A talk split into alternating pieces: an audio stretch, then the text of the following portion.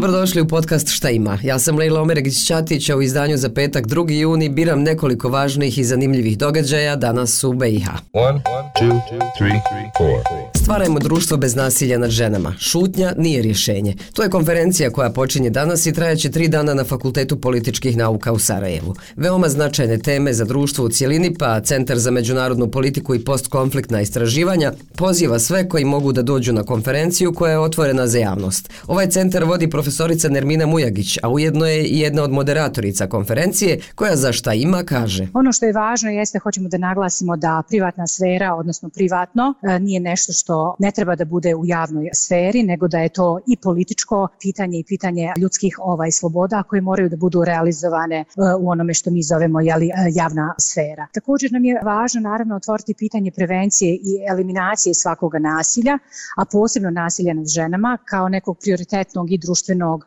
i političkog e, pitanja i jer ako to ne radimo čini mi se da nas onda ignorisanje tog problema stavlja u poziciju saučesnika.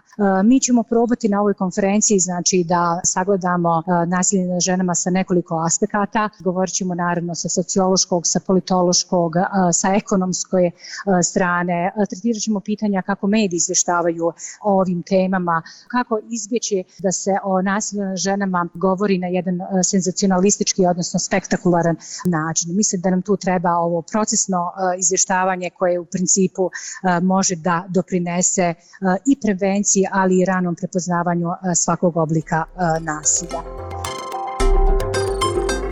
Mjere, program jačanja sigurnosti i sprečavanja nasilja u školama, o tome će danas u Banja Luci ministrica prosvjete i kulture Republike Srpske Željka Stojičić. Ona će predstaviti informacije o stanju sigurnosti kao 11 prioritetnih mjera. Pored ostalog, to je unapređenje zakonodavnog okvira za prevenciju nasilja, poboljšanje materijalnih i tehničkih uslova, prikupljanje podataka o nasilju i u vezi sa prevencijom, unapređenje nastavnog plana i programa. Među mjerama je također i uključivanje roditelja i zajednice u aktivnosti s ciljem sprečavanja sprečavanja nasilja kao i provođenje medijske kampanje o prevenciji nasilja u školama. A u organizaciji asocijacije Fab Lab danas u Mostaru i tokom vikenda u Sarajevu bit će održan drugi Maker Fair Sarajevo, sajam nauke, inovacija, kreacija i robotike. Ove godine učestvuje više od stotinu izlagača tehnoloških entuzijasta i pionira, od inovatora do makera, start-upa i inovativnih firmi.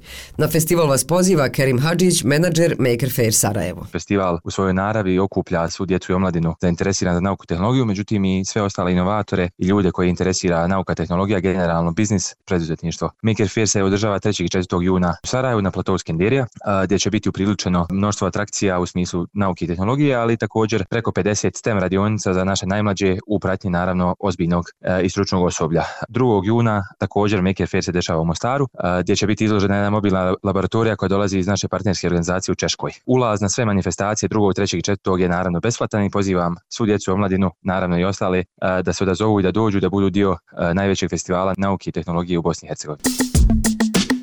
Zanimljivo će danas biti u Mostaru i sutra u Trebinju gdje se održava projekat Teatar u kvartu 3.0. Zlatko Novaković iz Udruženja za kulturu i obrazovanje Pogon je rekao da se kroz ovaj projekat želi dovesti teatar u gradske četvrti, parkove, igrališta i javne prostore, te tako obogatiti kulturni sadržaj u gradovima. Mladi umjetnici u saradnji sa firmiranim umjetnicima u samo 24 sata kreiraju tri 15-minutne uzbudljive kratke predstave, otkrivajući nove potencijale gradova i osvajajući javne prostore. Osnovna ideja koja nas vodi je učiniti učiniti teatar dostupan svima, iskreno vjerujući da kultura predstavlja osnovnu ljudsku potrebu, a ne privilegiju, rekao je Novaković. I da ne nabrajam sad gdje će se šta održati, ako vas zanima, lako je doći do informacija o ovom super događaju.